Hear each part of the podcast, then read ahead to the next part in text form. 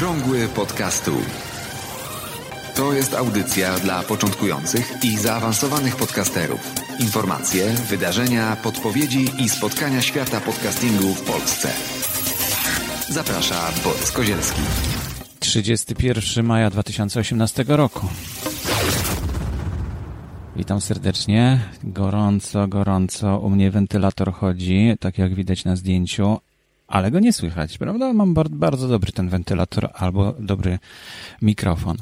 E, okazuje się, że te dźwięki z zewnątrz to nie są aż tak istotne, jeśli mikrofon trzyma się bardzo blisko a, i e, siebie i, i tego, co się mówi i wtedy, wtedy to zupełnie nie przeszkadzają te dźwięki zewnętrzne.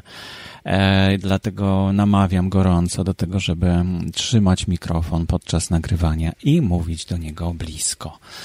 E, I tak też podczas tej dzisiejszej sygnałówki miałem takie myśli a propos poprzedniej e, sugestii, żeby, żeby sygnałówki były krótkie albo żeby w ogóle ich nie było, całej tej dyskusji na temat tego, jaka, jaka powinna być sygnałówka. Już myślałem o tym, żeby właściwie ograniczyć sygnałówkę do paru sekund, dosłownie, ale mój syn, który był na spotkaniu takim audio, no nie powiem dokładnie, chodziło tam o mikrofony jakieś bardzo specjalistyczne, ale przyszedł i, i pokazał mi bardzo fajny trik, co bardzo zmieniło moje myślenie o tym, jaka powinna być sygnałówka. Y, dzisiaj kilka tematów, e, to za chwilkę, no ale taka dygresja dotycząca poprzedniego, e, poprzednich naszych rozmyślań chyba będzie fajna na sam początek. E, mianowicie mm, powiedział, że pamięć głosu, pamięć dźwięku ludzkiego mózgu wynosi 4 sekundy. No to zaciekawił mnie od razu tym, co, o co tu chodzi, o co, co, co to jest. No i pokazał mi od razu, zrobił doświadczenie na, na moim mózgu i na swoim. I możecie też e, takie doświadczenie wykonać. E, w programie do edycji audio e, wrzucił plik, który ma 10 sekund, powiedzmy, white noise, czyli takiego szumu. Szum przez 10 sekund. Spróbujcie coś takiego znaleźć w internecie, można bez problemu znaleźć.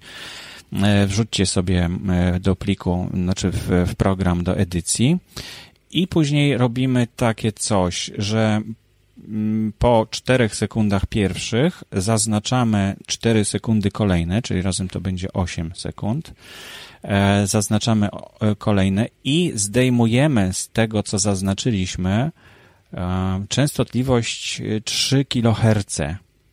Czyli mamy taki plik, gdzie jest ten biały szum, potem jest biały szum, ale bez e, częstotliwości 3 kHz i potem wraca to normalnie do tego białego szumu. I to, co ciekawe i co myślę, że ma znaczenie właśnie w sygnałówkach, to właśnie to, że słuchając potem takiego pliku, słyszymy różnicę oczywiście pomiędzy tym, gdzie jest cały biały szum i gdzie jest obcięte 3 kHz, ale wracając, słuchając ponownie pliku z całym białym szumem, już słyszymy go zupełnie inaczej. I to myślę, że ma znaczenie przy sygnałówkach, bo w ten sposób jakoś nastrajamy naszych słuchaczy na odbiór naszej audycji, która jest przygotowana w specjalny sposób. I to troszeczkę myślę, że wpływa na, na ich odbiór i że, że to ma, ma spore znaczenie. No dobrze, ale wróćmy do dzisiejszych tematów. Nie są jakieś duże, nie są jakieś rewolucyjne, ale jak zwykle garść informacji ze świata podcastingu mm, się przyda. E, na przykład e, Jakub e, w grupie podcast Jak to się robi umieścił informację o tym, że Apple sygnalizuje konieczność zabezpieczenia adresów RSS, czyli plików RSS, certyfikatem SSL.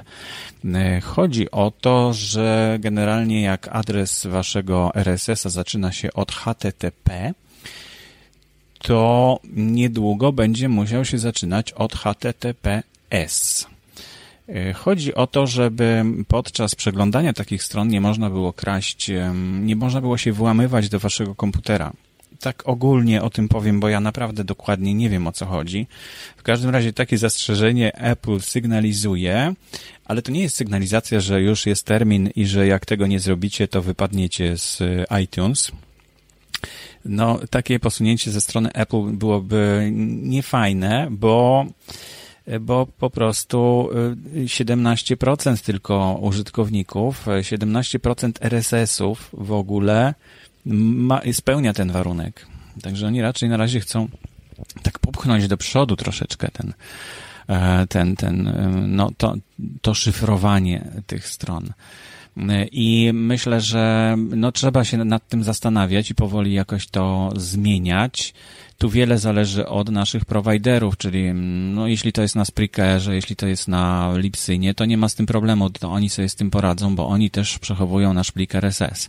Ale jeśli ktoś sam przechowuje y, i, i nie będzie miał tego adresu z S na końcu, HTTPS, no to za jakiś czas jeszcze pewnie będzie sporo takich komunikatów i sygnałów o tym, że to już teraz trzeba, bo jak nie, no to wypadacie z gry. To no, można już o tym myśleć, ale myślę, że mamy naprawdę sporo czasu na to jeszcze. Fitburner. Tutaj Kuba pisze o tym, że w Fitburnerze, jeśli macie na Fitburnerze e, swój e, RSS, to nie ma problemu. No, wydaje mi się, że jest problem, dlatego że Feedburner nie jest rozwijany, a adresy RSS e, z Feedburnera, te końcowe, nie, nie sam adres do Feedburnera, e, no nie są, e, nie są kodowane, nie mają tego certyfikatu. Mm, przyjrzyj się, Kuba, bo tak mi się wydaje, przynajmniej ja zajrzałem na swoje RSS-y z Feedburnera i one są HTTP, a nie HTTPS. Mm, no, ale myślę, na razie nie ma się specjalnie czym przejmować. No to tak bez e, spisu treści od razu e, zacząłem opowiadać. Może powiem, co jeszcze będzie. Będzie Anchor, będzie lista narzędzi dla podcastera w 2018 roku i fajna rozmowa z Jarosławem Śliżewskim z Tok FM. E, Tok FM produkuje podcasty umieszcza je w internecie, z tym, że no, to są takie podcasty właściwie bardziej niż podcasty. A dlaczego tak mówię o tym, to może później opowiem.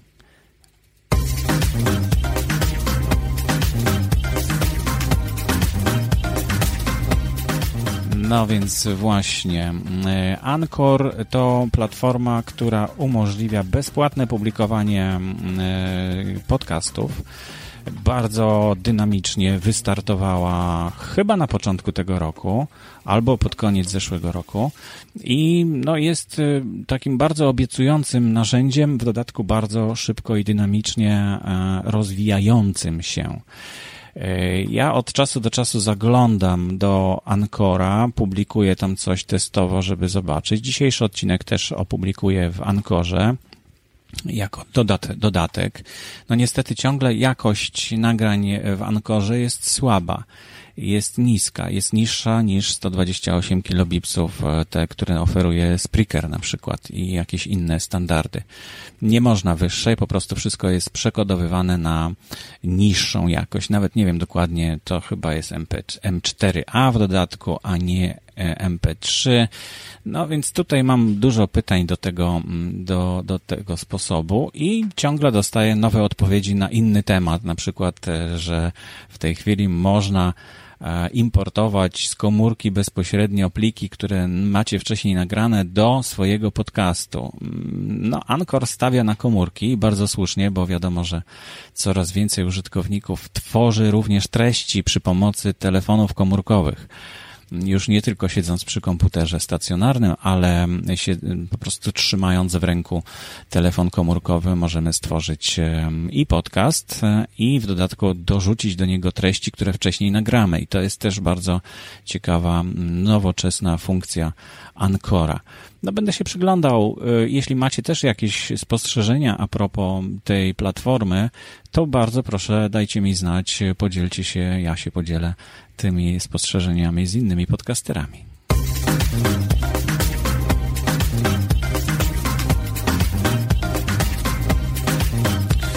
Trafiła do mnie wiadomość o liście narzędzi dla podcastera w 2018 roku, czyli całkiem świeża lista. E, to jest wpis na blogu jakimś tam Listen Notes tak się nazywa, listennotes.com. Y, I tak na początku spojrzałem, że tam jest hosting na samym początku, ale to jest potraktowane tylko jako narzędzie, bardzo słusznie. I potem następuje lista innych narzędzi i naprawdę jest tego dużo. Jest e, właśnie hosting e, i cała masa tutaj. Jeszcze nie porównywałem tego z tym naszym spisem, ale widzę, że większość jest. No, ale na przykład Google Drive tutaj jest wpisane, który no nie jest hostingiem dla, dla e, plików MP3 podcastu. Chociaż może coś się zmieniło, trzeba by było zobaczyć. AWS S3, no nie wiem co to jest w ogóle, to będę musiał to wszystko przejrzeć i ewentualnie uzupełnić nasz wpis na blogu e, wszystkie hostingi. E, ale oprócz hostingów e, tutaj są social media, social media management and marketing, do których mediów warto zgłaszać również podcasty i, i tam je E, promować. Audio recording, editing programs i tutaj naprawdę jest bardzo dużo tych programów wypisanych. Remote Interview Tools, czyli do, no, taki, taki, taki rodzaj Skype'a do rozmowy i do nagrywania. Cała masa też jest wypisanych tutaj narzędzi i no brakuje tutaj na przykład e, free E, Free, nie pamiętam jak on tam się nazywał dokładnie, ten, którego używamy najczęściej. Ja rzadko używam w ogóle, na ogół wolę się spotykać z ludźmi w cztery oczy i wtedy rozmawiać, no ale go tutaj nie ma, no tak samo nie ma y, tego drugiego, czyli Zencastra dziwne, ale, no, ale ma tutaj braki widocznie ten, ten, e, ten wpis. Narzędzia do edycji E, zdjęć, coś, co na pewno się przyda. No i transcription services, czyli do transkrypcji. Coraz więcej pytań jest o to, e, jak e, zrobić transkrypcję, jak łatwo to zrobić. Email marketing options. No naprawdę kopalnia, kopalnia linków przydatnych przy podcastowaniu. Myślę, że każdy kto, kto interesuje się rozwojem swojego kanału podcastu, chętnie przeczyta takie informacje.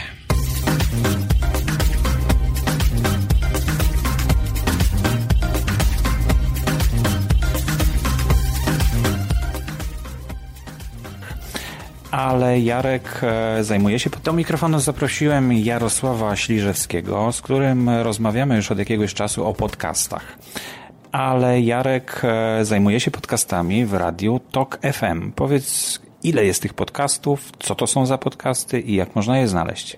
W sumie jest ich powyżej 30. E, można je znaleźć na stronie talkfm.pl oraz w aplikacji. Są to w większości podcasty bazujące na audycjach, które są w Talk FM oraz kilka podcastów dedykowanych tylko do internetu.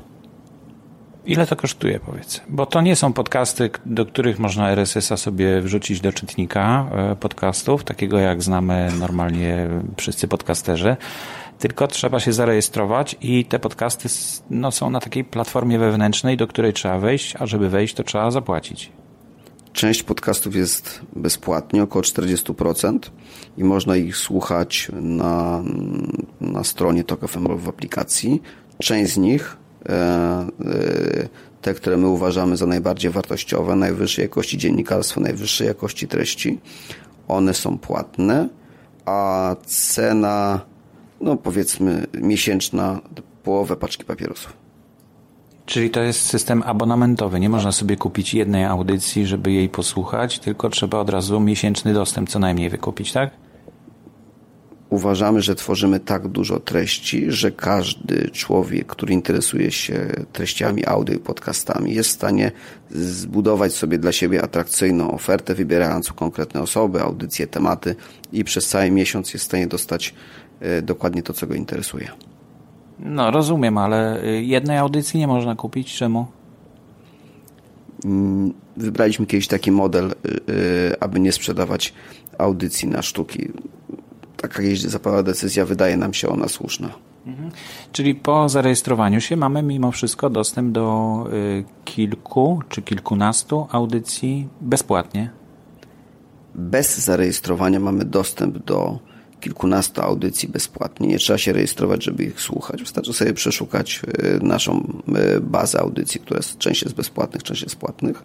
I te bezpłatne są dostępne dla każdego, kto chce. Nie, nie trzeba się rejestrować. A zarejestrowany użytkownik, który zapłacił, tak jak już mówiłem, e, połowę paczki papierosów, ma dostęp do kilkuset audycji w skali miesiąca i archiwów z ostatnich pięciu lat.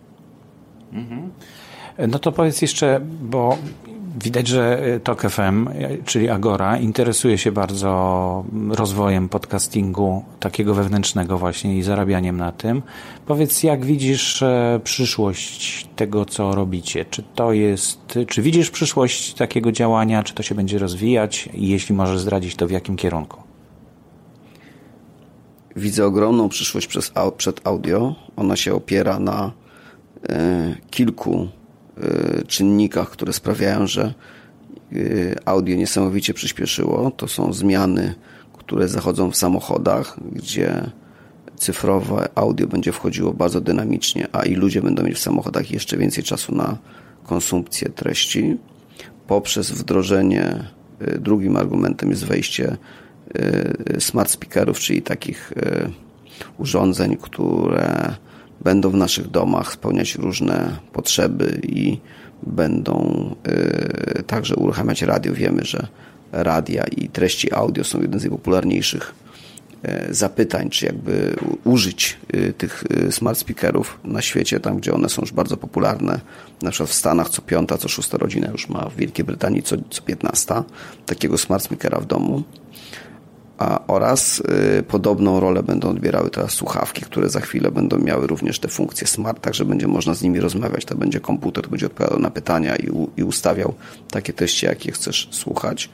Więc jakby to wszystko sprawia, że zainteresowanie, plus jeszcze oczywiście rozwój yy, yy, jeszcze szybszego internetu, jeszcze te, to 5G, które wchodzi, to wszystko sprawia, że y, przyszłość przed audio jest ogromna i będzie się bardzo rozwijać. Yy, może nie tak bardzo dynamicznie jak wideo, ale zaraz za nim yy, spodziewamy się dużego rozwoju będziemy się tym zajmować bardzo aktywnie. Tak jest. Yy, Jarosław Śliżewski, bardzo dziękuję Jarku za to, że chciałeś wystąpić przed mikrofonem Okrągłego Podcastołu. I tak parę sugestii, parę uwag e, na stronie talk.fm można właśnie znaleźć i odsłuchać sobie te mm, bezpłatne podcasty. Możecie tam zajrzeć. Z tym, że ja powiedziałem o tym, że to są podcasty. Mm, I no nie wiem, jak to odróżnić, bo tak podcasty mówić to tak nieładnie. E, w sumie powinno się czytać, nawet jeśli ktoś pisze przez C, to powinno się czytać K. E, i, mm, e, ale dlaczego chcę to odróżnić? Dlatego, że mm, podcasty coraz częściej, no też, znaczy tym słowem są określane audycje, które są umieszczane w internecie, również na zamkniętych platformach. No tutaj można subskrybować wprawdzie te podcasty e, TOK FM, ale nie można ich subskrybować e, w takich czytnikach ogólnodostępnych. I trochę, trochę coraz, znaczy coraz więcej takich jest pomysłów. Tak samo Lekton, prawda? Ten, o którym mówiłem w zeszłym tygodniu, też zamyka platformę i też nie można tego subskrybować poza tym czytnikiem. Takie zamykanie już było, już próby były takie, ale to szybko wygasło. Teraz jakoś powraca ta fala, powraca ten pomysł na to, żeby e, zamykać podcasty. No, ale jeśli to będzie tak silny gracz jak radio, takie właśnie Tok FM, gdzie naprawdę dużo jest e, ciekawych materiałów, dużo jest ciekawych audycji, rzeczywiście wysokie, e, wysokiej jakości dziennikarstwo, próbuje się jakoś bronić próbuje się bronić przed wypływem darmowych treści. Bardzo ciekawie jest to obserwować, jak, e, jak to się udaje, czy się udaje. E, I tak się zastanawiałem, pytałem Jarka o to, no wiadomo, że Jarek nie powie, że, że nie, że to już jest przeszłość i że to słabe i że wychodzimy z tego. Mm, mówi o tym, że się rozwija i że się będzie rozwijać i wierzy w to. Ja też w to wierzę. I o tym najbardziej świadczy to, że ten serwis e, Talk FM z podcastami funkcjonuje już kilka ładnych lat. i raczej się rozwija niż się zwija. Więc myślę, że rzeczywiście i też to, o czym mówił Jarek, czyli te smart speakery, E, smart speakery, czyli głośniki takie mądre, które z nami rozmawiają.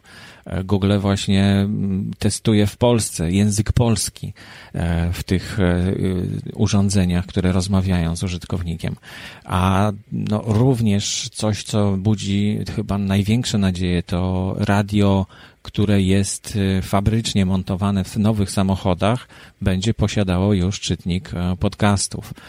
E, I mm, ciekawe, czy to będą właśnie wszystkie podcasty, czyli z czytników ogólnodostępnych, publicznych, czy też e, będą to takie właśnie pozamykane platformy.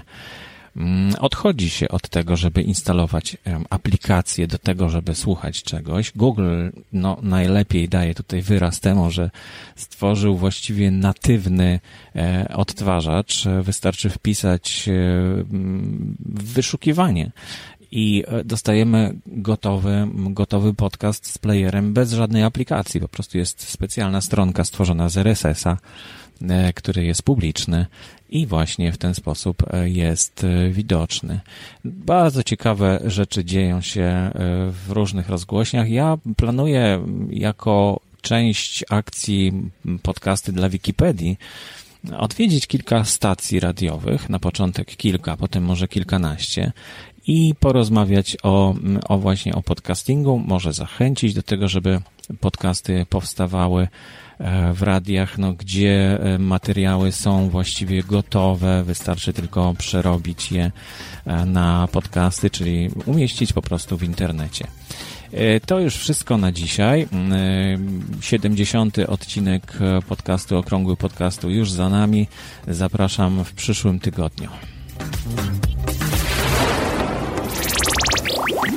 Aktualne informacje znajdują się również na stronie internetowej blog.podcasty.info. Audycję sponsoruje Fundacja Otwórz się, która wspiera rozwój podcastingu w Polsce.